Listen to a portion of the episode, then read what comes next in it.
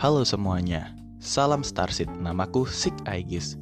Nah, di kesempatan kali ini aku akan memberikan sebuah pendahuluan sebelum kita memasuki pembahasan-pembahasan selanjutnya. Kemarin aku sempat memberikan sebuah istilah yang memancing beberapa pertanyaan dari para pendengar sekalian. Istilah itu adalah like worker. Apa sih like worker? Dan kenapa like worker ini bisa berkaitan dengan indigo? Apakah ada kesinambungan antara like worker dengan indigo?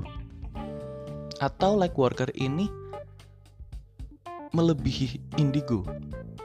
Nah, pertanyaan-pertanyaan itu datang seiring setelah para pendengar sekalian mendengarkan podcast sebelumnya. Nah, aku akan memberikan penjelasan tentang apa sih like worker itu dalam cakupan yang melebihi persepsi orang tentang indigo pada umumnya. Nah, sebelum itu, aku di sini akan memberikan klasifikasi indigo terlebih dahulu. Kebanyakan orang mengira bahwa indigo adalah sebuah kemampuan gift atau hadiah dari sang pencipta di mana orang yang memiliki hadiah itu dapat melihat sesuatu yang tidak kasat mata, contohnya setan, demit, jin, iblis, atau mungkin prediksi masa depan. Banyak sekali orang-orang indigo ini didefinisikan demikian oleh para masyarakat. Dan sering kali masyarakat tidak tahu bahwa esensinya setiap orang itu indigo pada dasarnya. No, kok bisa? Kok bisa semua orang itu indigo? Akan aku jelaskan dalam podcast ini. Indigo sebenarnya adalah sebuah spektrum warna di mana spektrum warna indigo ini berkaitan dengan cakra ke-6 yaitu ajna. Cakra ajna ini berfungsi untuk penglihatan, vision. Bisa untuk melihat masa depan, bisa untuk uh, prediksi dan juga bisa untuk melihat sesuatu yang tidak bisa dilihat manusia pada umumnya. Tapi apa yang membedakan antara manusia yang indigo dengan manusia biasa? Kan pada dasarnya keduanya sama. Kita semua tuh indigo, tidak ada yang spesial. Yang membedakan adalah bahwa orang indigo cakra ajnanya atau cakra keenam yang berwarna indigo itu lebih aktif daripada orang pada umumnya. Karena pada dasarnya setiap orang itu punya cakra.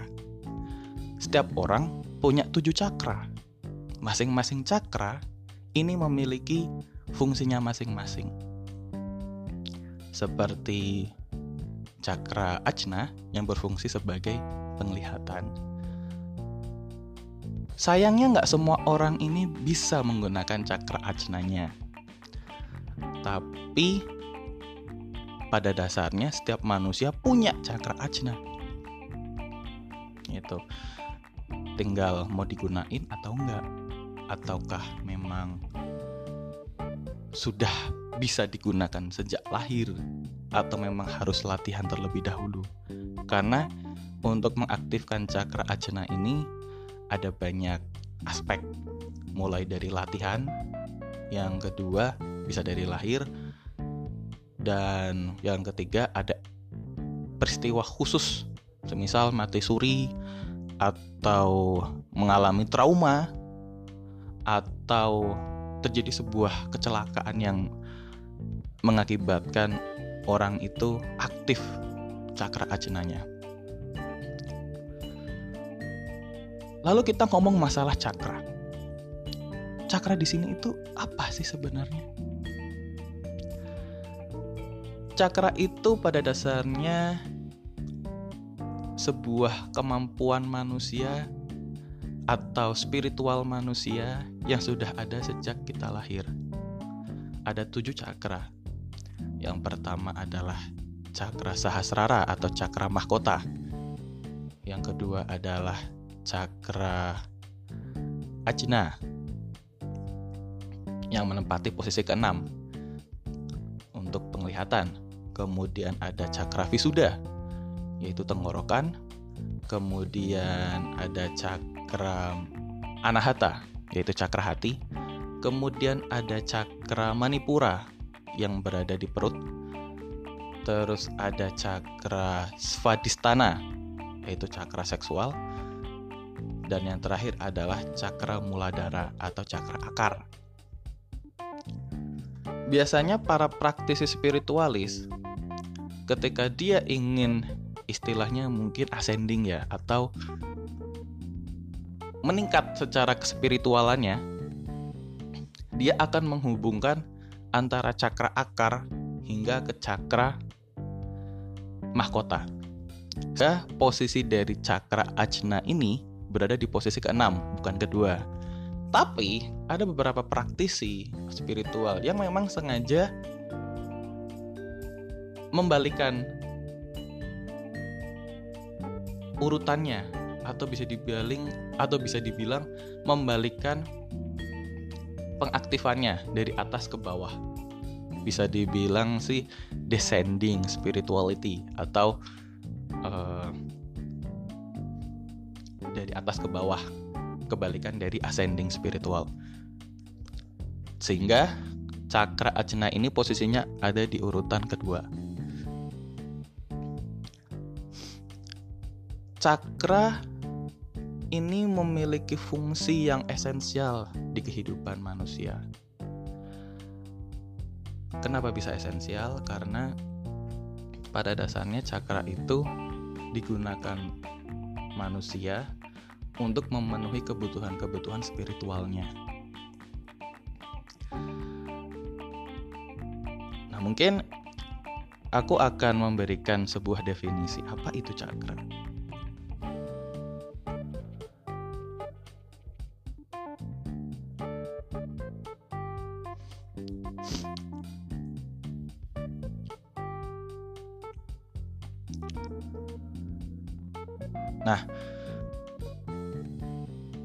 Cakra itu apa sih? Nah, cakra berasal dari bahasa Sanskerta. Artinya roda energi yang berputar atau roda cahaya berputar. Cakra adalah pusat-pusat energi dalam tubuh, tempat 72.000 saluran-saluran energi atau nadi yang saling bersilangan. Cakra adalah pusat informasi, membantu kita mempersepsi segala sesuatu. Setiap cakra terhubung dengan bagian-bagian tubuh tertentu. Nah, seperti tadi yang saya bilang, ada tujuh cakra yang berpusat pada tujuh bagian tubuh. Cakra mengatur kesehatan tubuh kita secara fisik, emosi, maupun spiritual. Sampai saat ini yang baru dikenal, manusia punya tujuh cakra. Yang umum, Sekalipun sebenarnya ada 12 cakra dan sisa dari kan yang kita tahu kan ada 7 cakra nih tadi. Tapi sebenarnya ada 12 cakra. Nah, sisa dari cakra yang lain atau 5 cakra lainnya itu berada di luar tubuh. Itu cakra. Nah, sampai di sini mungkin pembahasan cakra akan diselesaikan terlebih dahulu atau ditutup dulu sebelum nanti kita membahas cakra yang lebih mendalam. Kita kembali ke topik pembahasan yang sebelumnya, indigo.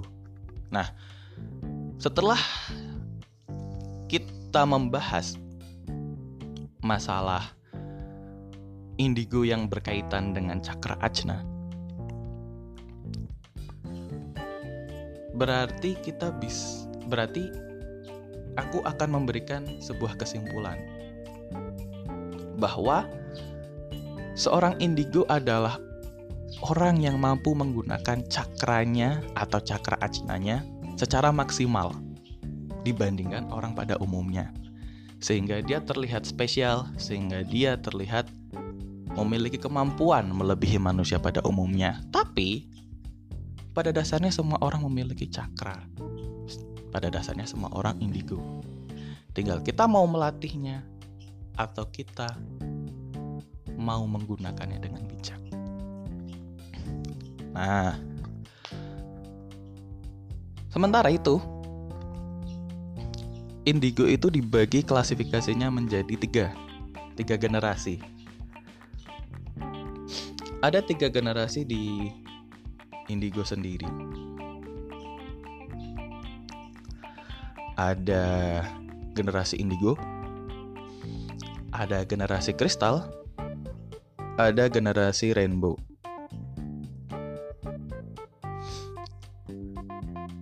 Nah, apa sih perbedaannya antara ketiga klasifikasi itu? Indigo adalah pembuka jalan untuk menuju dunia baru. Mereka umumnya dilahirkan dengan semangat kesatria di dalam sel DNA-nya, dengan tujuan kolektif untuk mencoba menghentikan sistem lama yang tidak lagi relevan. Mereka dapat dikenali sebagai anak yang cenderung sedikit nakal di masa kecilnya. Mereka datang ke dunia dengan mentalitas "saya pantas berada di sini". Mereka berada di sini untuk menciptakan kembali ide-ide fundamental dari pemerintah, pendidikan, dan sistem dan sistem hukum kita yang tidak memiliki integritas. Untuk mencapai hal itu, mereka umumnya memiliki tekad yang berapi-api dan kadang-kadang sedikit marah. Indigo tahu kapan mereka dibohongi, direndahkan, atau dimanipulasi. Dan karena tujuan mereka untuk mengantar ke integritas dunia baru, anak indigo memiliki pendeteksian kebohongan bawaan. Nah, banyak anak indigo didiagnosa mengidap Attention Deficit Hyperactivity Disorder atau ADHD atau gangguan perkembangan dalam peningkatan aktivitas motorik anak-anak hingga menyebabkan aktivitas anak-anak tidak lazim dan cenderung berlebihan. Karena itulah mereka cukup sensitif. Mereka gelisah, tidak bisa diam, tidak bisa duduk dengan tenang, dan selalu meninggalkan keadaan yang tetap seperti sedang duduk atau sedang berdiri. Beberapa kriteria yang lain sering digunakan adalah suka meletup-letup aktivitas berlebihan dan suka membuat keributan. Nah, berarti di sini kita bisa mendefinisikan bahwa umumnya anak indigo ini susah dikontrol atau susah diatur lah karena sifat bawaannya itu. Tapi indigo ini sebagai jalan pembuka. Jalan pembuka untuk dunia baru atau New World Order. Mungkin seperti itu, tapi ini bukan Illuminati, oke? Okay? Nah, yang kedua adalah anak-anak kristal. Anak-anak kristal ini sejalan dengan indigo. Mereka memiliki misi menyelaraskan sistem agar selaras dengan alam semesta. Mereka cenderung ceria atau bahkan lebih pemarah daripada indigo. Mereka memberi contoh bagi orang lain untuk melihat bagaimana kita dapat saling bekerja sama satu sama lain. Anak-anak kristal mengikuti jalan pembersihan untuk menuju ke dunia yang lebih aman dan damai. Banyak dari mereka memegang bakat spiritual bawaan yang cenderung disalahpahami. Semakin mereka tumbuh dewasa, semakin mereka akan bersemangat memperjuangkan kebenaran sesuai prinsip mereka. Banyak anak kristal didiagnosis autis parah. Mereka berpikir dengan frekuensi yang lebih tinggi yang tidak memerlukan komunikasi verbal sehingga orang lain menganggap mereka hanya anak autis dan sulit dipahami. Banyak anak kristal mengalami keterlambatan bicara, dan biasanya mereka menunggu sampai usia 3 atau 4 tahun untuk bisa mulai berbicara. Apa yang sebenarnya terjadi jauh lebih dalam. Mereka sebenarnya sangat intuitif dan mampu berkomunikasi pada tingkat yang hanya bisa dicapai ketika kita berada pada kesadaran atau keselarasan dengan diri kita sendiri. itu kristal. Kristal memiliki peran yang sama dengan indigo. Mungkin bisa ditarik kesimpulan bahwa kristal ini adalah penyeimbang di antara indigo dengan rainbow. Sifatnya cenderung lebih terkesan autis.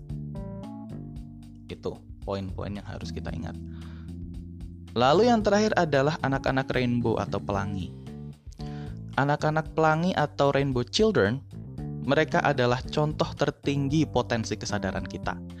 Yang sebenarnya mereka selaras dengan frekuensi ketuhanan. Mereka akan selalu melayani orang lain karena bagi mereka memberi adalah jalan yang sudah mereka pilih. Dengan cara itu, mereka berada pada ketinggian puncak spiritual karena tugas mereka untuk membantu sesama. Mereka tidak takut dan tidak mengalami kesulitan mengekspresikan emosi mereka. Mereka mampu memulihkan keadaan emosi negatif dengan cepat. Dari semua jenis Star Children atau klasifikasi dari indigo sendiri, anak-anak rainbow cukup langka. Tidak banyak informasi yang didapat tentang mereka karena mereka sangat jarang dan mereka akan menunjukkan dirinya ketika dunia membutuhkannya.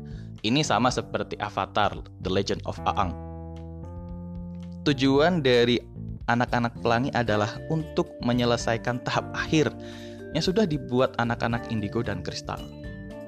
Berarti semacam kayak pembaruan gitulah, atau uh, semacam kayak Tom Cruise yang bilang mission accomplished Nah, seperti itu.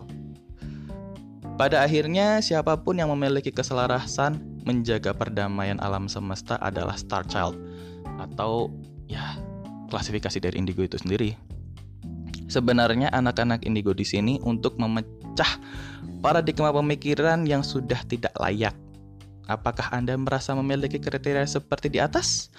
Mungkin saja Anda memang seorang like workers.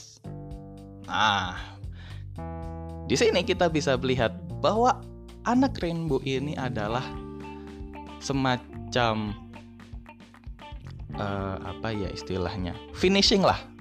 Finishing move yang sudah dilakukan oleh indigo dan kristal.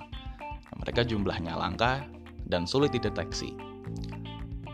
Makna dari rainbow sendiri adalah ketika tujuh cakra dengan warna yang berbeda itu selaras satu sama lain. Karena cakra erat kaitannya dengan warna.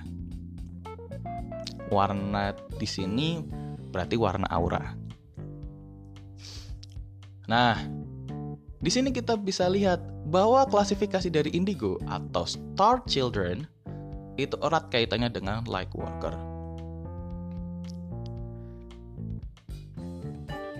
Nah, lalu apa sih light worker ini? light worker ini apakah pekerja cahaya seperti apa? Di sini aku akan memberikan definisi yang sebenarnya datang dari uh, satu apa ya bisa dibilang satu sumber yang cukup terpercaya dan ini sifatnya classified. Oke. Okay. kita akan masuk ke definisi pekerja cahaya itu apa.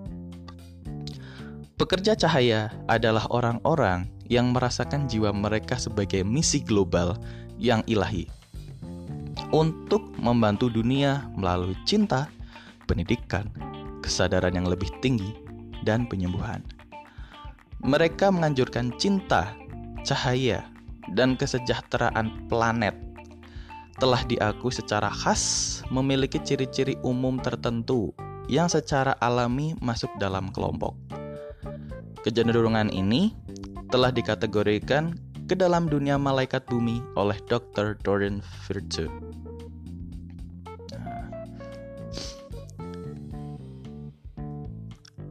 Seorang dokter bernama Dorian Virtue ini sebenarnya guru spiritual Nah, berarti di sini kita bisa lihat bahwa pekerja cahaya itu dia memiliki misi. Berarti seorang indigo itu sebenarnya punya si misi yang harus dijalankan. Misi yang hanya bisa diketahui ketika kita bisa mengetahui jati diri kita seperti apa. Misi yang hanya bisa diketahui ketika kita mampu sadar akan diri kita maupun lingkungan. Misi yang bisa kita selesaikan ketika kita tahu apa tujuan kita ada di bumi ini. Makanya, seorang indigo tugasnya bukan hanya lihat demit kebon, bukan cuma lihat setan di gedung tua, bukan hanya di reality show yang menunjukkan bahwa kamu kesurupan atau tidak. Tujuan dari indigo lebih daripada itu. Nah, mungkin pembahasan-pembahasan tentang spiritual ini akan juga disisipkan di sela-sela aku membahas masalah mitologi. Nah, untuk episode kali ini aku akan tutup di sini dulu. Sekian, terima kasih yang sudah mendengarkan. Sampai jumpa di podcast-podcast Sig Network selanjutnya. Bye bye.